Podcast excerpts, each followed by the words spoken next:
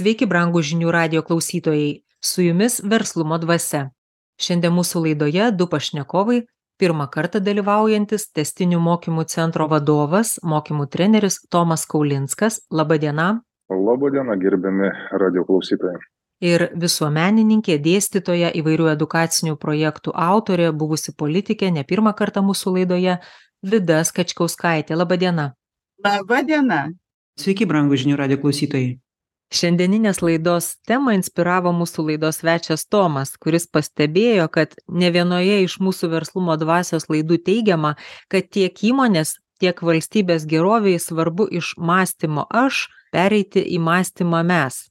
Ir pasiūlė visų pirma iškelti klausimą taip.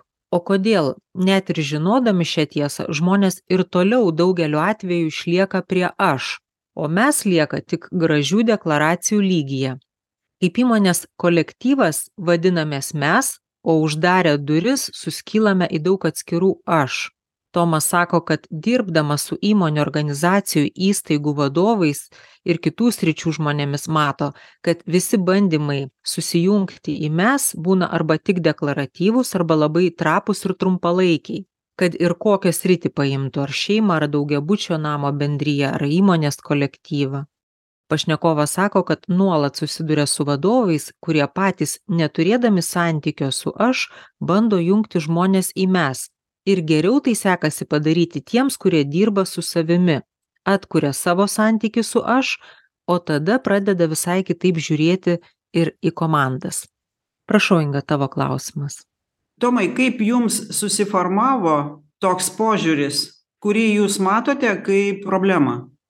Prieš 15 metų pradėjus dirbti mokymų sferoje, kaip konsultantui, kaip treneriui, nemažai dėmesio teko skirti tokioms temoms kaip komandos formavimas, įmonės vertybių gryninimas, įmonės vizijos gryninimas, strateginių krypčių numatymas, nustatymas.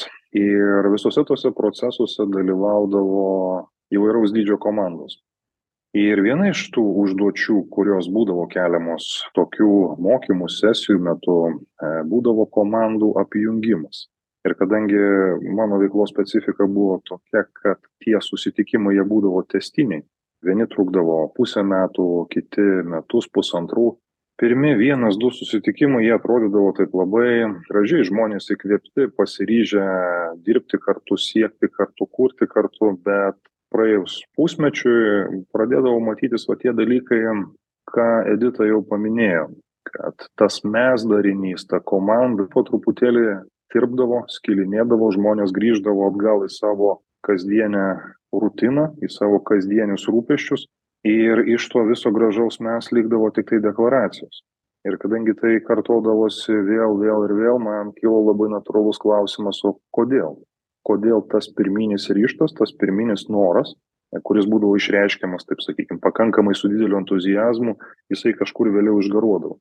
Ir pradėjus gilintis atidžiau į šitą situaciją labai aiškiai pradėjo matytis ta aš problema kad vis dėlto žmonės vieni kupini įvairių baimių kiti kupini įvairių nuoskaudų treti kupini įvairių neišsakytų temų pokalbių neišsakytų vieni kitiems šitie visi dalykai žmones tarsi izoliuoja.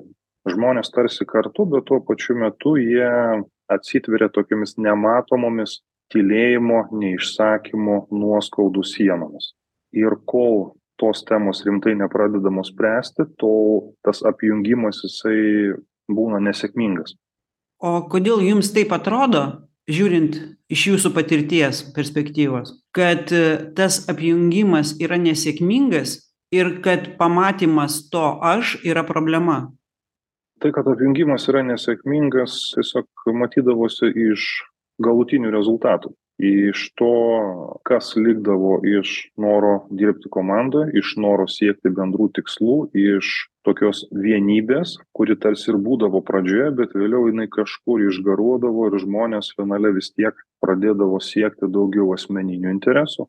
Ir gan dažnai tie asmeniniai interesai jie būdavo nulemti ne to kažkokio labai sąmoningo žmogaus pasirinkimo bet tų visų vidinių baimių traumų kompleksų ir panašių dalykų.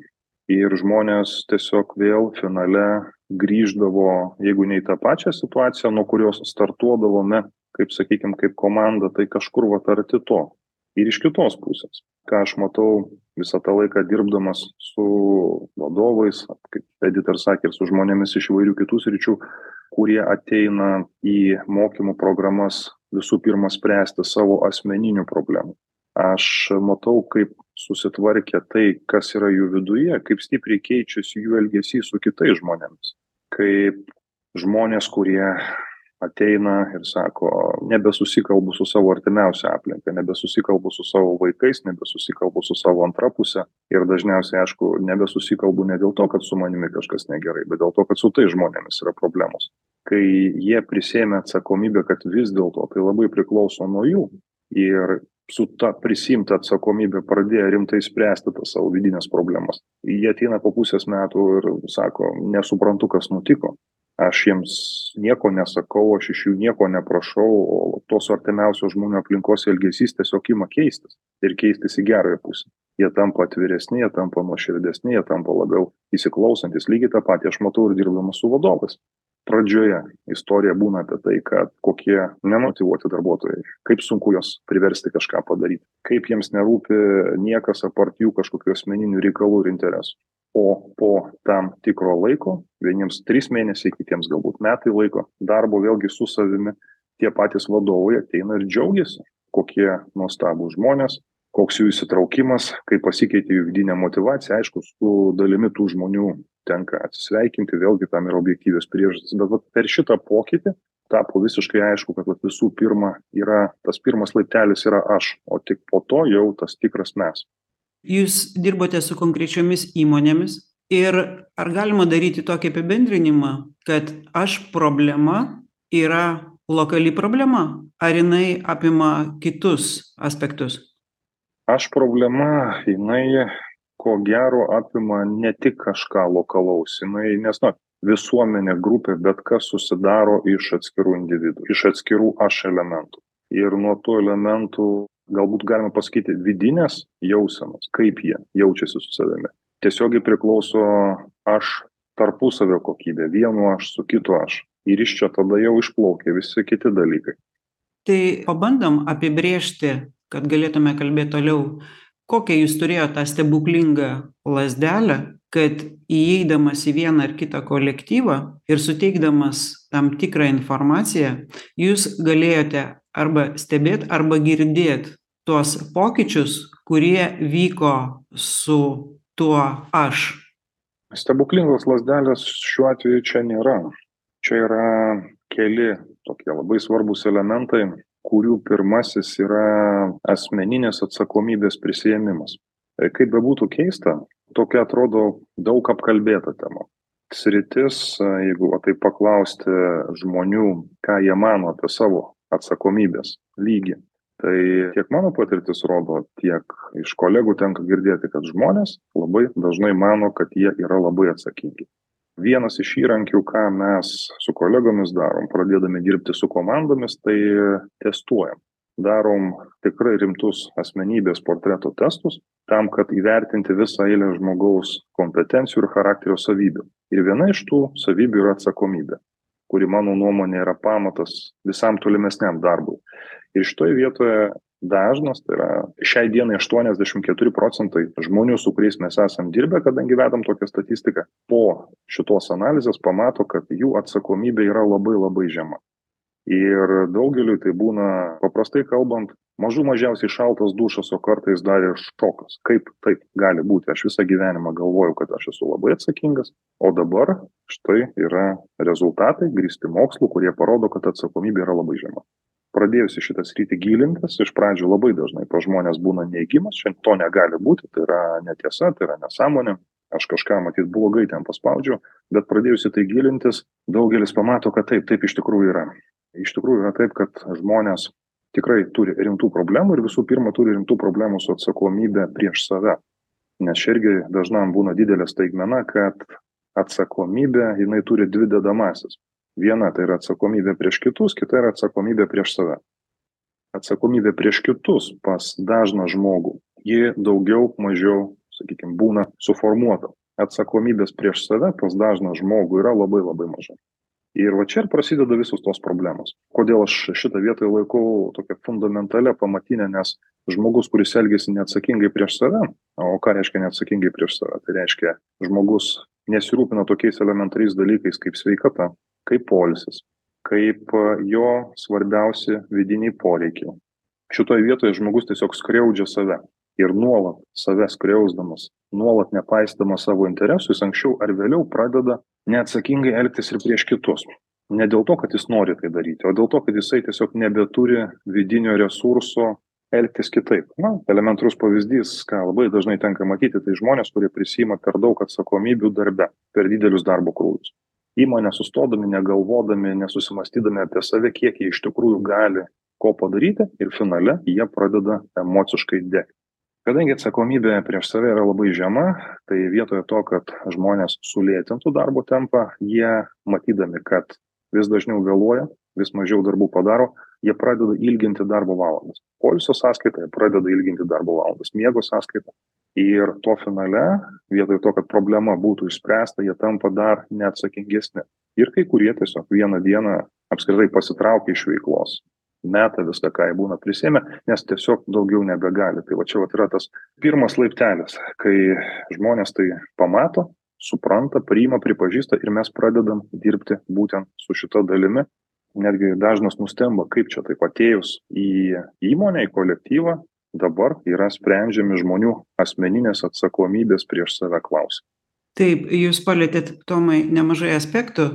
Ir štai kalbėdamas apie atsakomybę jūs pabrėžėt žmogaus galimybes kad žmogus darbuotojas turėtų privalėtų suvokti savo galimybes ir mes iš karto čia matome visą eilę klausimų. Tai tam kad žmogus suvoktų savo galimybes tas kas naudojasi tomis galimybėmis įmonė keldama jam reikalavimus kurie vėliau pasibaigia pretenzijomis.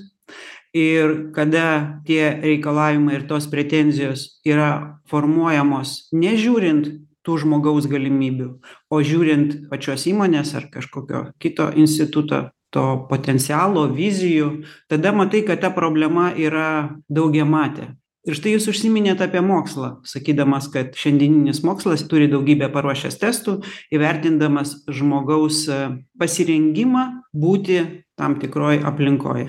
Tai mes matome kad susiduriam su tuo aš kur atrodo nei pati įmonė labai yra tam pasirengusi jau nekalbant apie personaliją apie asmenybę nekalbant apie tą aplinką kurioje yra ir įmonė ir personalija ir matom tuos reikalavimus kurie iškelti yra tam asmeniui kad jis galėtų vienaip ar kitaip grubiai kalbant veikti. Tai vida klausimas jums. Ar šiandien žmogus su savuoju aš yra pasirengęs atliepti atsakingai į tuos užsakymus kurie eina į jį ir kad jis galėtų dalyvauti ne deklaratyviai o būti kaip sraigtelis tame laikrodyje. Tą problemą irgi matau ir jinai yra daugiaplanė daugialypė iš įvairių sudedamųjų ir galbūt sakysiu negerai bet man džiugu kad šita problema išryškėjo ir kiekvienam žmogui ir visuomenėje todėl kad mes prieisime prie pagrindinio dalyko. Kas yra žmogus. Žmogus pats sau yra dar nepažintas bet kur yra problema. Kodėl jis sukurtas ką jis turi savyje ir kokios jo galimybės tą savyje išplėsti išvystyti. O jis turi galimybių labai daug. Šita problema kuri dabar išryškėja savojo aš realizacija sakysim taip ir šeimoj darbe ta problema atveda prie klausimo. Mano gyvenimo istorijoj irgi tas klausimas iškilo nejaugi žmogus yra taip paleistas pats vaikščioti po pasaulį ir gaudyti malonumus gaudyti įvairius šansus ir paskui pasirodo kad artėjant prie gyvenimo saulėlydžio tų šansų realizavimas na didžiąja dalimi nepavyko. O pavykti gali. Tai vat kai pradėjau ieškoti tai jau ieškau panašiai kaip ir tomas kiek metų gal biškį daugiau. Pagrinde kai dėstytoja pradėjau dirbti universitete ir atvedė prie to, kad pirmiausia reikia pažinti, kas aš esu. O aš esu labai paprastas, atrodo, tvarinys, tai yra noras gauti malonumą ir kad man viskas sektųsi, kad viskas būtų gerai. Ir šito išplaukiant, žmogus gyvena visą savo gyvenimą ir neįsigilindamas, ką jam daryti, kad šitie jo norai galėtų lengvai, paprastai realizuotis, kaip jis pats save kūrė. Ir žmogus, jam atrodo, kad jis pats save kūrė, pats mokosi, susiranda darbą, tačiau tiesa yra ta, kad jį formuoja aplinka. Ir tas vat, gauti malonumą, tai mes vadinkim paprastai ego žmogaus, jo saviraišką, gauti malonumą, būti užtikrintam gyvenime, jis renkasi iš aplinkos, ką jam pritraukti į savo, sakysim, gėrio kraitelę, į savo tą statybą. Ir čia prasideda labai plati paletė. Pas vienus vienokios galimybės, pas kitus kitokios, taip atrodo, kad tokios galimybės įvairios. O iš ties žmogus kažkaip tai nuslinko proto link ir vertina protą ir nebevertina jausmų paletės. Ką kalbėjo kolega, tai atsakomybė. Tai yra jausmų elementas. Jinai, aišku, išsireiškia materialiame santykėje su aplinka, ar tai darbe, ir šeimoje, bet tai pirmiausia yra pojūtis. Ir mes tų pojūčių nevystom, o juos galime vystyti. Ir vystyti irgi pasinaudojant tą pačią aplinką. Tai yra tuo mes. Bet reikia tai daryti teisingai, kad rezultatas būtų greitas čia ir vėl prieiname prie to, kad reikia mokytis. Ir žmogus visą laiką vystosi. Nors jis sensta, atrodo fiziškai jau nebe taip vystosi ir taip toliau, tačiau jis pereina į kitus vystimosi etapus, jo ego auga, ta jėga, ta energija, kuri visą traukia į jo gyvenimą, kaip jam atrodo visas tas gerybės, bent kiek jis gali jų pritraukti, yra pas kiekvieną žmogų skirtinga. Ir vat ta piramidė tų jėgų vieniems tarsi prigimties duota kitiems nėra tiek duota tiesiog jis nenori net dalyvauti. Kodėl pavyzdžiui labai yra daug paprastų darbuotojų eilinių o vadovų mažai. Todėl kad paprasti eiliniai pas juos nėra tokio potencialo. O kitiem atrodo kad jis gali išsivystyti. Taip jis gali vat išvystyti save šiek tiek daugiau iš savęs bet jis tam turi mokytis naudotis aplinka ir naudotis metodikomis į aukštesnį sąmoningumo lygmenį. O sąmoningumas, ką reiškia sąmoningumas? Tai reiškia, kad jausmiškai aš esu pastovesnis, platesnio diapazono, aš galiu priimti kito mintis kaip savo. Iš tiesų tai, ką aš matau aplinkoj, tai yra mano mintis, nes aš jas identifikuoju mes priėjom prie tokio momento vieno. Štai tomas kalbėjo kad kada žmonės pradeda eiti tuo komandos ieškojimo keliu ir kai žmonės susiduria su tuo vadinkime aš klausimu kuris vėliau virsta problema ir iš pradžių žmonės eina į tai lyg su tuo užsidegimu o vėliau atsitinka taip kad gali būt kad juos netgi bloškia atgal. Ir žmonės susiduria su kažkuo ko jie savyje ir tikriausiai taip pat ir išorėj nelabai pažįsta o kaip identifikuoti nelabai kaip ir gali o iš aplinkos reikalavimas iš įmonės reikalavimas yra kaip nuolatinis toksai presinguojantis. Ir štai tomai klausimas jums kaip vida teigia atsakomybė yra jausmų sritis. Tai yra žmogaus susidūrimas pirmiausia su pačiu savimi su tomis savęs dalimis vietomis erdvėmis vida įveda terminą sąmoningumas kurių jis anksčiau kaip suprantama nežinojo negalėjo su jom kontaktuot ir prie kurių jisai gali prisiglausti kad būtų naudingas pats sau ir įmonei ir kaip jūs sakot šeimai tik per jausmus. Tada tas aš pradeda atverti kažką naujo ir per tai galbūt pradės formuotis kažkokie dariniai bet irgi klaustukas. Prašau tomai.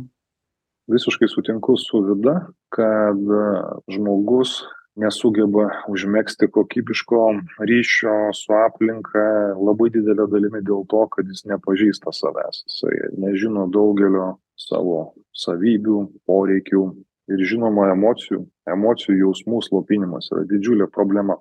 Šitoje vietoje aš truputėlį turiu kitą matymą kas liečia atsakomybę prieš save aš vis dėlto sakyčiau kad tai yra ir emocinė ir ta protinė dalis galbūt. Taip vien tiktai emocijų dalį to nepriskirčiau. Tomai aš truputėlį pataisysiu jus. Čia man atrodo esminė vieta. Vida nekalbėjo apie emocijas. Ir čia mes turime šitą vietą pasižiūrėti kad galėtume kalbėti toliau vida nekalbėjo apie emocijas ji kalbėjo apie pojūtį ir apie jausmą. Gal iš pradžių jeigu jūs nieko prieš mes paklauskime vidos kodėl jinai vartoja žodį sąvoka ir manau kad tai yra tikriausiai kryptingai ne emocijos o jausmas pojūtis. Prašau vida. Žmogus yra energetinė struktūra kurio pirminis dnr jau ir mokslininkai nustatė yra jausminis potencialas tik dar mokslininkai negali nustatyti kaip tą jausminį potencialą nustatyti jo dydį kiekį kaip paprastai nustatomas kas tai yra dnr ir jis skirtingas kiekvienam žmogui. Pirma reakcija yra noras ir reakcija į jį aš noriu pakilti karjeros laiptais. Toks jausmas kad man pirmiausia kas buvo man nebegerai šitam darbe. Jaučiu kad reikia kažko daugiau protas yra instrumentas kuris įsijungia po to kai pradeda rūšiuoti analizuoti ir taip toliau. Bet pirma žmogus pajunta komfortą arba diskomfortą. Ir tada jisai pradeda ieškoti kaip jam visą šitai realizuoti.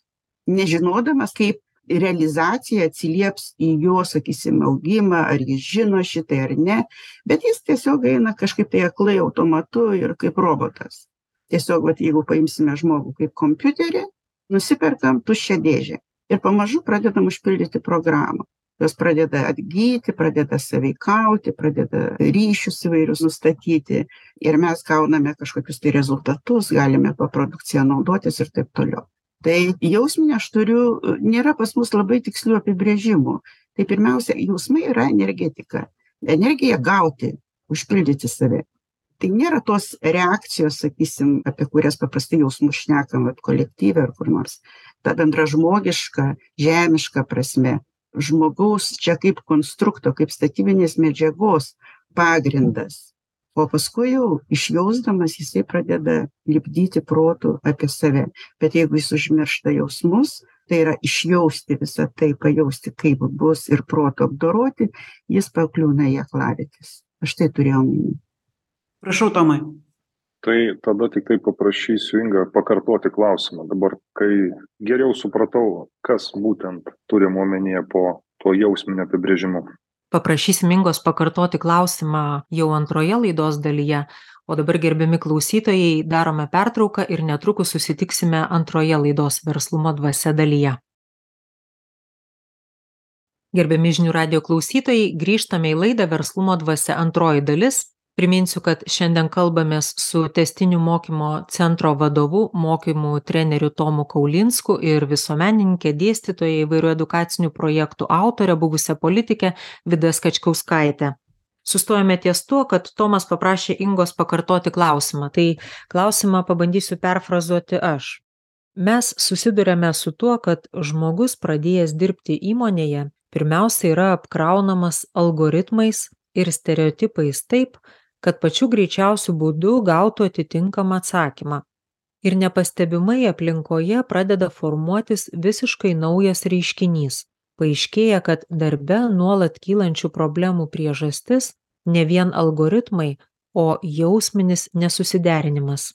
Žmogus sutrinka nes programos kurios duoda jam išorinį supratimą kaip jis galėtų veikti įmonėje ir būti atsakingas už daugybę procesų virsta iš aukščiau išreiškiamomis pretenzijomis. Per laiką susikaupusios situacijos jame formuoja lėtinio nerimo būseną ir paaiškėja kad išsiaiškinimui kas su žmogum vyksta supratimo jau nebeužtenka. Žmogus turėtų pradėti naudotis savo jausmais o jausmais jis nemoka naudotis nes buvo mokomas naudotis funkcijomis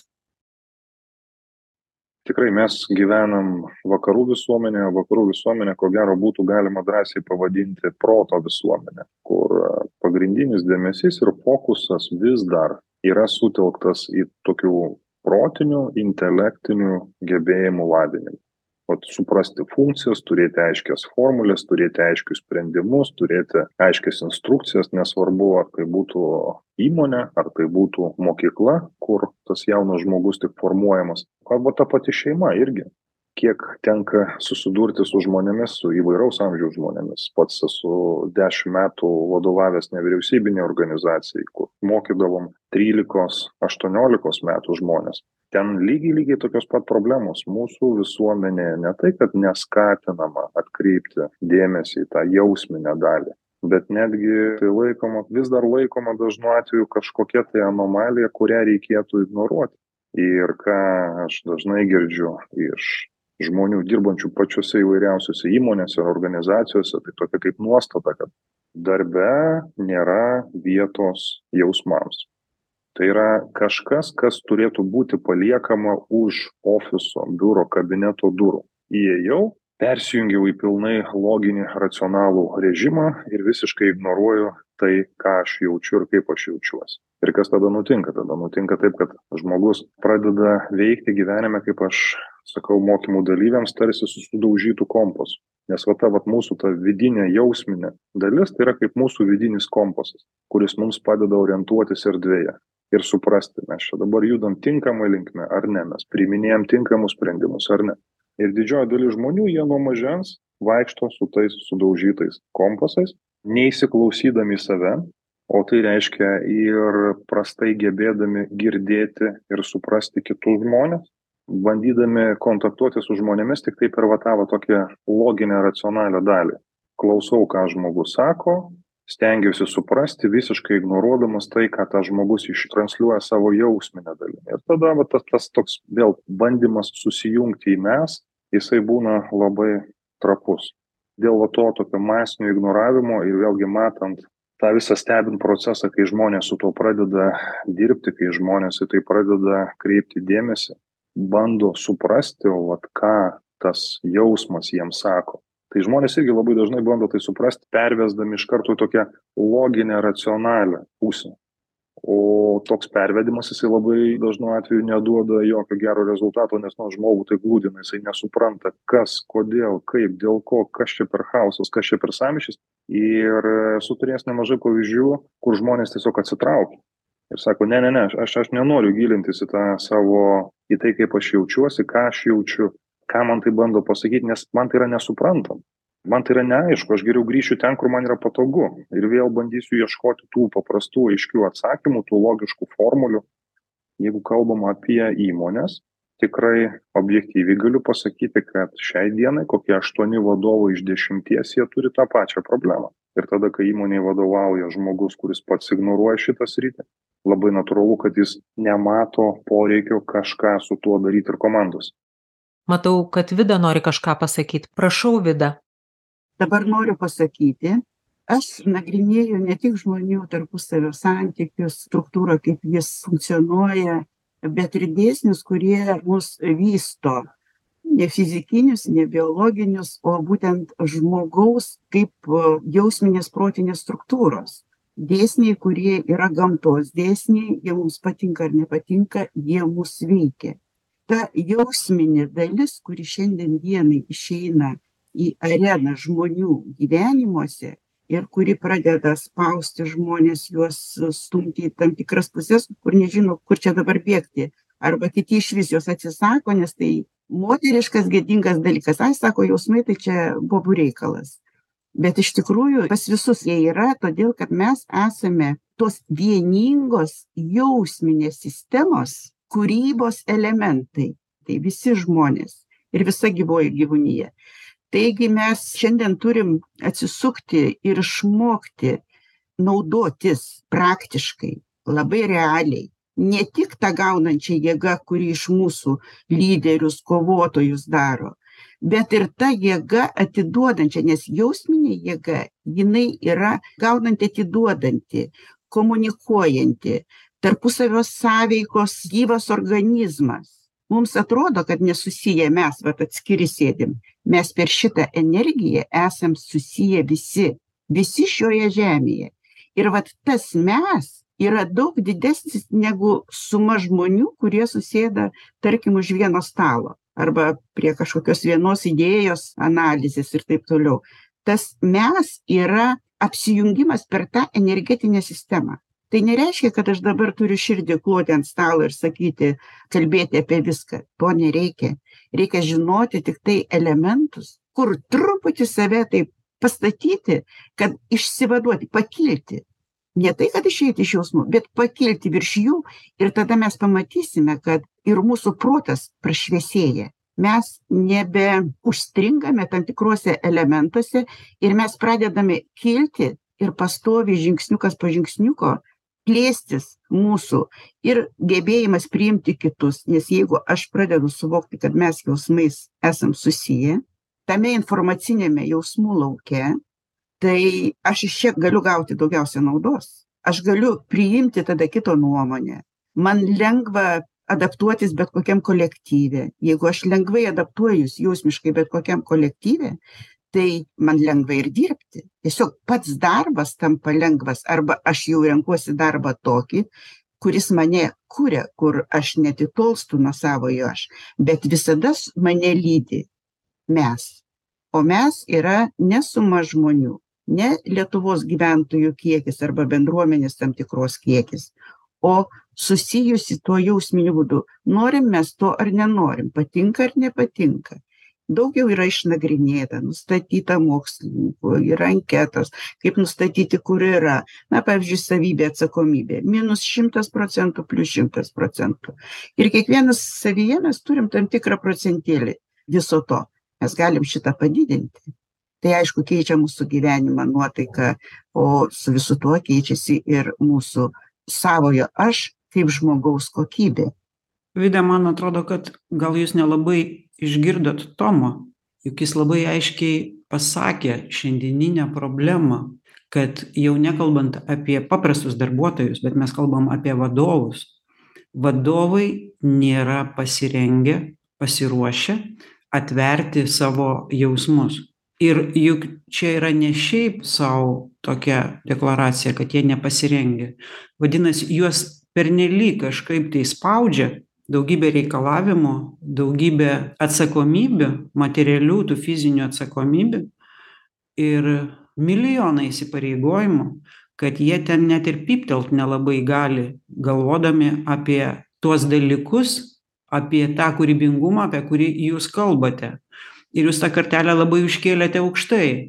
Aš galiu patikslinti. Ir Tomas mokėsi, žinau, ir studijavo turbūt Maslau piramidę egoizmą, tos sluoksnius ir verslininkai, kaip jau ir kuriejai, jie yra labai aukšto egoizmo lygmenyje.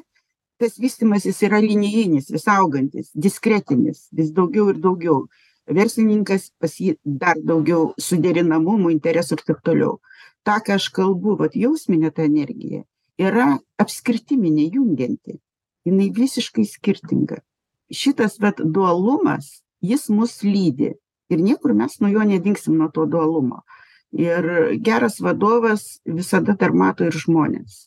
Vida, mes nekalbam apie gerą vadovą, mes kalbam apie vadovą, kuris yra nepajėgus jis ir bus nepajėgus bus bankrotai bus praradimai kodėl pas mus dabar yra krizės nuolat atrodo pakilo verslas pas vienus pas kitus nukrito viskas juda keičiasi sunku net paskaičiuoti kur mes vystomėmės metus į priekį jeigu pasižiūrėsim vienas analitikas vienaip kalba kitas analitikas priešingai pasako. Todėl kad sako metodikos kitos. Kokios yra metodikos?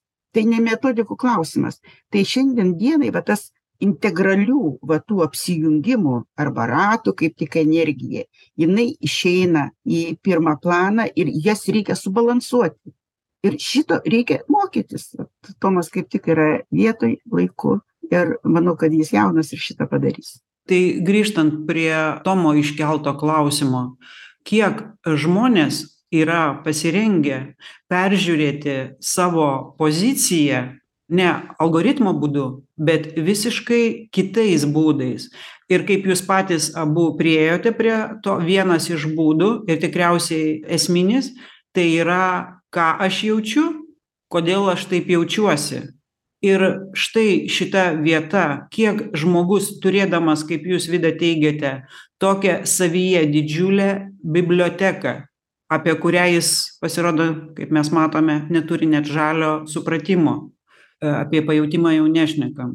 Ir į save jis pradeda žiūrėti kaip į kažką daugiau tik tada kada jį aplinka pradeda spausti tokiom krizinėm situacijom kokiose mes šiandien esame prašau tomai.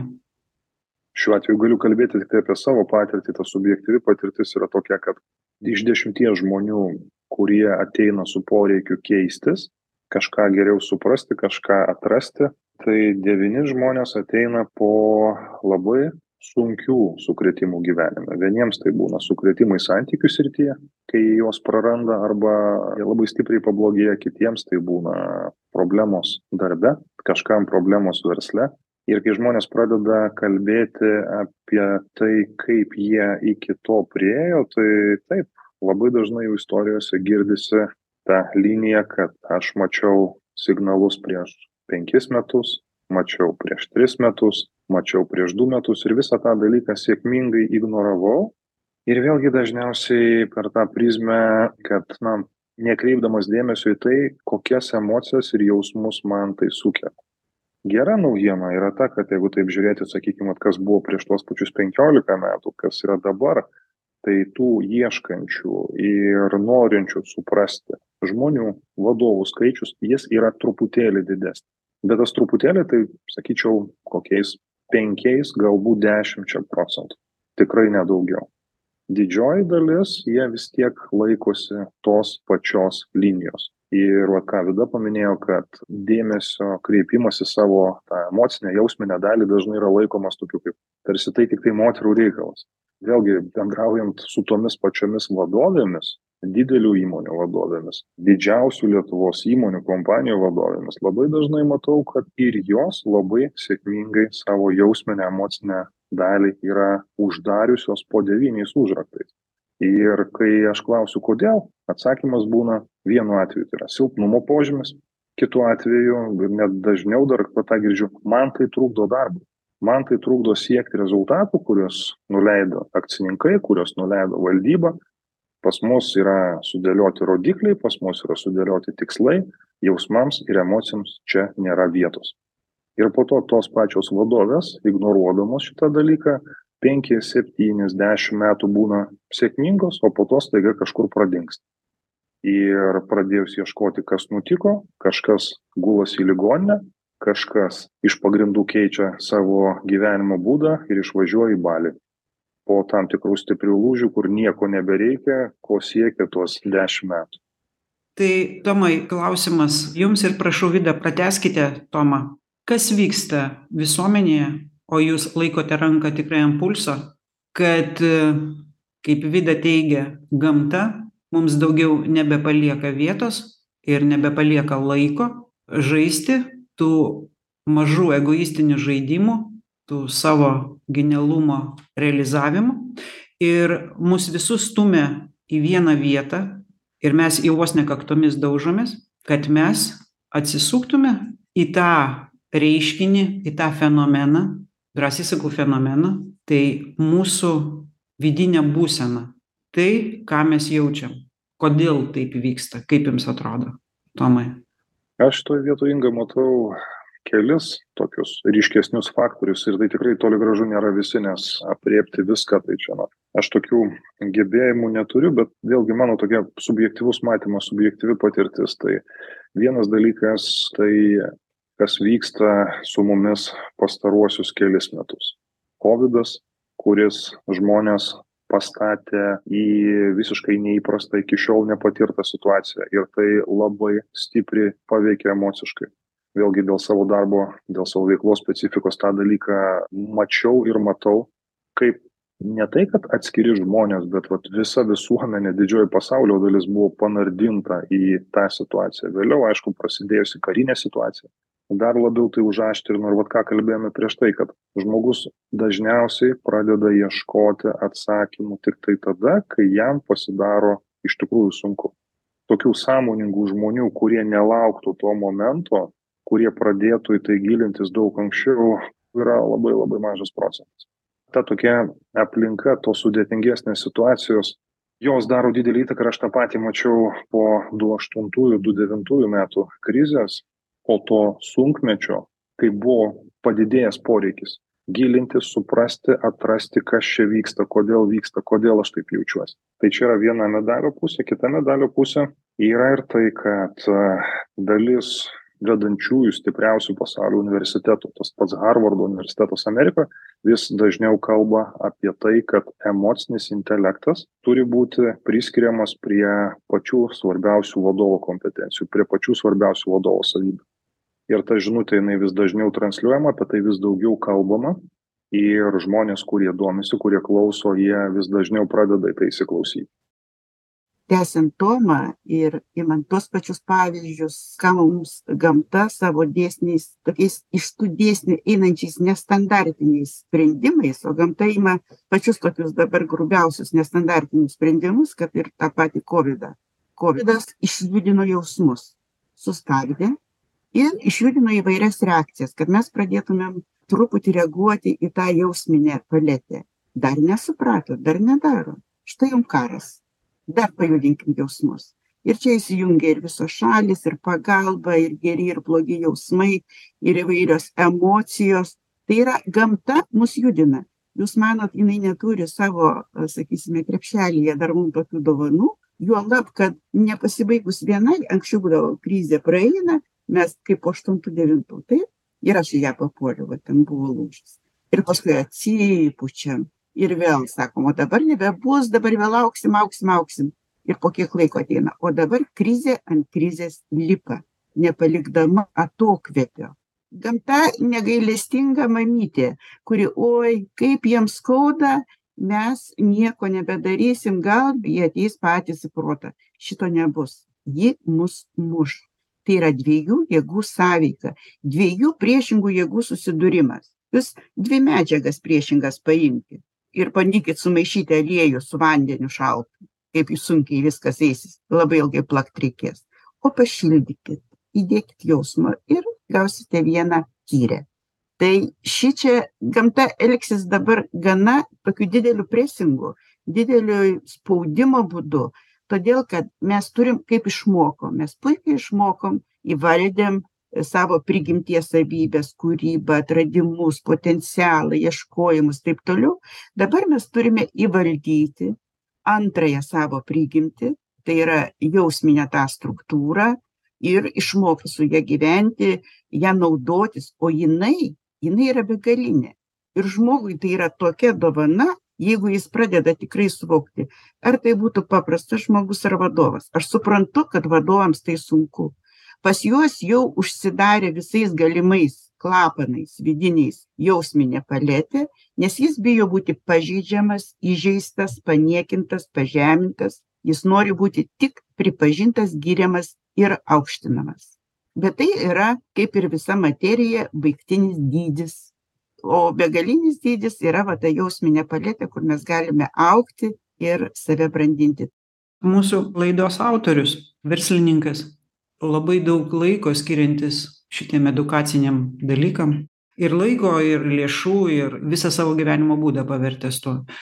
Ir štai net ši laida yra kaip jis siekia sukurti tokią platformą kad galėtų ateiti žmonės kurie mato kurie jaučia kurie numano kaip galima prisidėt kaip galima atvert kaip galima bendrai išsukti kaip jisai teigia tą dvasią kuri pradėtų daryti vieną ar kitą įtaką o dvasia visada daro įtaką. Galima tą dvasią vadinti kitaip pagal mūsų požiūrį. Tai štai tomai vida kalba tokiais terminais. Jinai kalba apie jausmus apie tą subtilų įrankį ir iš kitos pusės jinai sako tokius žodžius kaip įvaldyti turėti privalom. Ir supranti kad tai yra kompleksas. Jau sudėtas visas krepšelis priemonių kurios yra suvoktos patirtos aišku ir mes turėtume taip elgtis kad gautume tokį ir tokį rezultatą o su tuo rezultatu galėtume pasiekti tam tikrą tikslą kuris darytų poveikį visuomenei kaip jums pačiam atrodo kiek šiandien jausmo pagalba aš nekalbu apie žodį valdyti galima padaryti tą poveikį jausmu kaip įrankiu kaip aš jau nekalbu aišku čia jau jūsų sritis kiek jį galima struktūrizuoti sisteminti pateikti tam vienai ar kitai lokaliai erdvei kuri galėtų tuo naudotis. Kokio dydžio tai turėtų būti proporcijos? Nes pavyzdžiui tarkim mūsų laidos autorius jis kai kalba apie globalią jausmo proto dvasią vida štai kalba apie gamtos dėsnius kurie veikia iš tos gamtos mamytės pusės ir jie yra negailestingi mums visiems ir jūs tuos pavyzdžius parodėt. O štai kaip jūs tai matote kada vos ne pipete reikia dalinti kad pradžiai tik priimtų tik išgirstų. Prašau.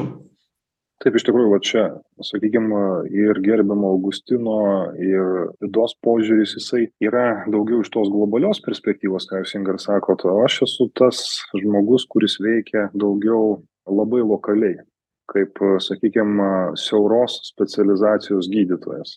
Ir šiuo atveju kur aš matau vieną iš problemų kodėl progresas šitoj srityje yra toks pakankamai lėtas ir kodėl jisai negali vykti sparčiau tai yra vis dar neskiriamas kokybiškas dėmesys vaikams nuo mažų dienų nuo pirmų klasių vis dar švietimo sistema su kuria gerą dešimtmetį aš pats turėjau labai artimą kontaktą tiek su švietimo ir mokslo ministerija tiek su nevyriausybininkais dirbančiais toje srityje tiek su mokyklų vadovais. Aš visur mačiau tą patį. Yra daug gerų iniciatyvų yra tikrai pakankamai nemažai žmonių suprantančių apie ką eina kalba. Bet niekam nepavyko sukurt kokybiškos vieningos lokaliai veikiančios sistemos programos galim pavadinti taip kaip norim kurią būtų galima integruoti. Šitoje vietoje jūsų laida vat yra viena iš tų priemonių kuri nuolat apie tai kalbėdama nuolat tai priimdama ištransliuoja į eterį tą žinutę kad to reikia tai yra svarbu. Ir tie žmonės kurie jau būna pasiruošę išgirsti jie įsiklauso jie girdi ir šiuo atveju jeigu dar atsirastų daugiau iniciatyvų nukreiptų būtent į žmonių darančių didesnę ar mažesnę įtaką tam tikroms visuomenės grupėms. Viena grupė yra vadovai kita grupė yra įvairių bendruomenių lyderiai. Jeigu ten dar būtų edukuojama jeigu ten dar būtų ištransliuojama vat šito dalyko svarba aš manau kad mes turėtume daug greitesnį ir daug didesnį pokytį Dėkojame testinių mokymų centro vadovui mokymo treneriui Tomui Kaulinskui ir visuomenininkiai, dėstytojai, edukacinių projektų autoriai, buvusiai politikai Vidai Skačkauskaitei. Su jumis buvo verslumo dvasia. Iki kitų susitikimų.